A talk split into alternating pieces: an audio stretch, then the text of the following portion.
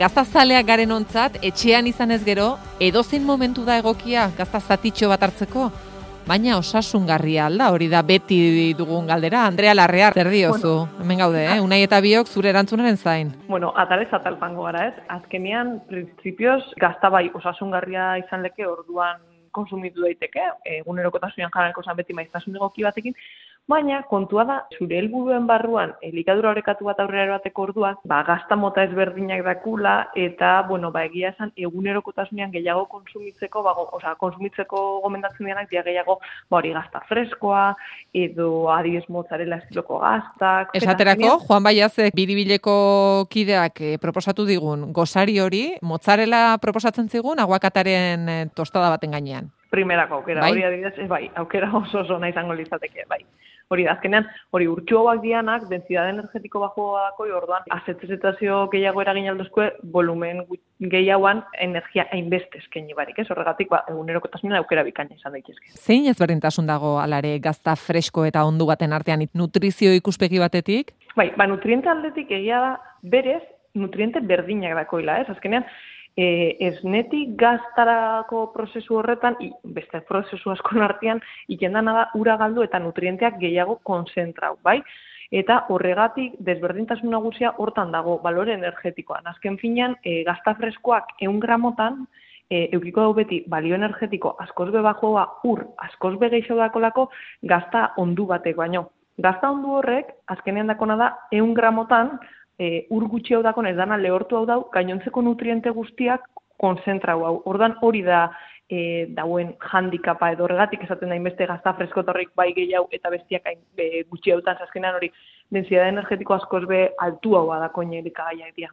Eta era orokor batean begiratuta, propietatekin sartuz, gaztak zer eskaintzen digu? Balde batetik proteina iturri bikaina izango da, gero horretaz gain gantz azen iturri bebai izango da, baina gantz hauek kalitatekoak izango dira askotan hori. Bueno, gazten munduan normalean ez ne osoak da ez, baina e, guk danadan orokorrian poblazio orokorrari beti be esneki osoak hartzea gomendatzen du, azkenean gantzase horreik be azetasunakin be lotuta egongo dira. Eta horretaz gain, orokorrian holako gazta eta esnekiak vitamina liposolugarritan be aberatzak dira, hau da, gantzetan disolbatuta dauzen vitaminatan, ala nora de vitaminan. Orduan, gain gabetzen bu edo zerbait erabiltzen bu, gain e, hori ba, gaintza, gaina kenduta de vitamina hori be kentzen ari gara, ez? Orduan, bueno, ba, dakon e, propiedade horreitakoak alde batera izten ibiliko guinake.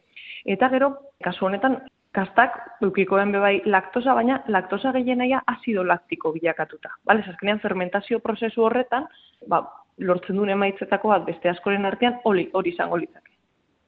E, laktosa aipatu dugu, behin baino gehiagotan noski, e, gaztaren inguruan hitz egiten dugunean, baina gero hor badago, e, asko dugun kontu bat, eta jakinaiko genuken ala den, edo azalpenik baote duen, ze entzun dugu e, pertsona batzuei ba, esneak kalte egiten diela, baina gazta dibidez ongi hon hartzen dutela. Hori posible da? Bai, ez dago, azkenean horra razoi bia hortan dago, ez? Fermentazio prozesu horretan, la, e, esneak dakon laktosa, azkenean e, guk laktosa digeritzeko behar dugu laktasa entzima, bai? Berez, hau, e, adinarekin galtzen joaten garen entzima bat zan, baina mutazioan ondorioz, ba, gaur egun, eta zela ondiok esnekiak konsumitzen jarraitzen duen, ba, jarraitzen du laktosa hori ondo digeritzen. Kontua da hori, fermentazio prozesuetan, e, laktosa hori azido lakto bilakatzen da. Orduan, naizta laktasa entziman gabeziak euki edo ez badau guztiz ondo funtzionaiken, zela e, laktosa oso dosi bajuak eukiten dauen gaztaiak, ba, badau gentiari naizta esmiak kalteik esauen gazta ondo onartu lekena. Eta arrazoia hortan dau, laktosa hori gehiena portzentai oso altu baten ja azido laktiko bilakatuta dauelako eta hori digeritzeko ez du lako laktasa entzima horren laguntza behar. E, Andrea, beste galdera bat, e, la, e, lankide batek esaten digu. Bere bai. kasuan, e, jogurra gaztak e, kalte egiten diote, baina soilik bazkalostean. Uh, ba, hori begiratzeko izango litzake. Ez dakit esaten zeinan arrazoi bidez behatza. Zergatik bazkalostean bai, beste momentu batzuetan, ez? Hori oso gauza personala eta arrazoi bidea topa beharko zan abernundi dagoen. Horiek, no, noski orduan mediku batekin begiratu beharrekoak dira. Bai, bai, egitxasen, ez dago, hori eneukan entzuna, badauz beste elikagai batzukin bai neukan alotuta, ez? Igual, ba, batzuk, e, goizetan ezin jotartu, baina arrazueletik aurrera bai, bai, igual batzutan utzi dauenean, e, ez, igual izan leke, ez da, getxo benpetzaian nola pintu bat, e, ja lan bat iken da bienez e, digestio aparatu eta momentu horretan karga handi xau batekin, ba, igual mm, okerra eroaten dauela eta igual utzik dauenean e, digestio aparatu hori errezau digeritzen dauela lan karga gutxi odako lako eta efizientiagoa izan lekerako, ez dakit, zerbait ezatearen hori izango nehen, baina ez dakit ziurtasunez esaten, eh? Andrea, gaztaren ezaugarrien inguruan hitz egin dugu, eh, errezeten munduan sartuko gara, gaztarekin, esaterako, era osasungarrian, zer proposatuko zen iguke? Bueno, alde batetik proposatuko errezeta oso oso erraza dan gazta krema, bale? Horretarako, e, kasu honetan ez da gazta erabiltzen, baina gazta bilakatuko da, bueno, gazta. E, behar duguna da, lau e, jogur, baina griego motakoak, hau da, uh -huh. dian horrek, gero, gaz bat eta gustoko bu espeziak, bai? Espezia, badibez, bela, e, finaz, hierbaz eta lakoak uh toke hori emuteko.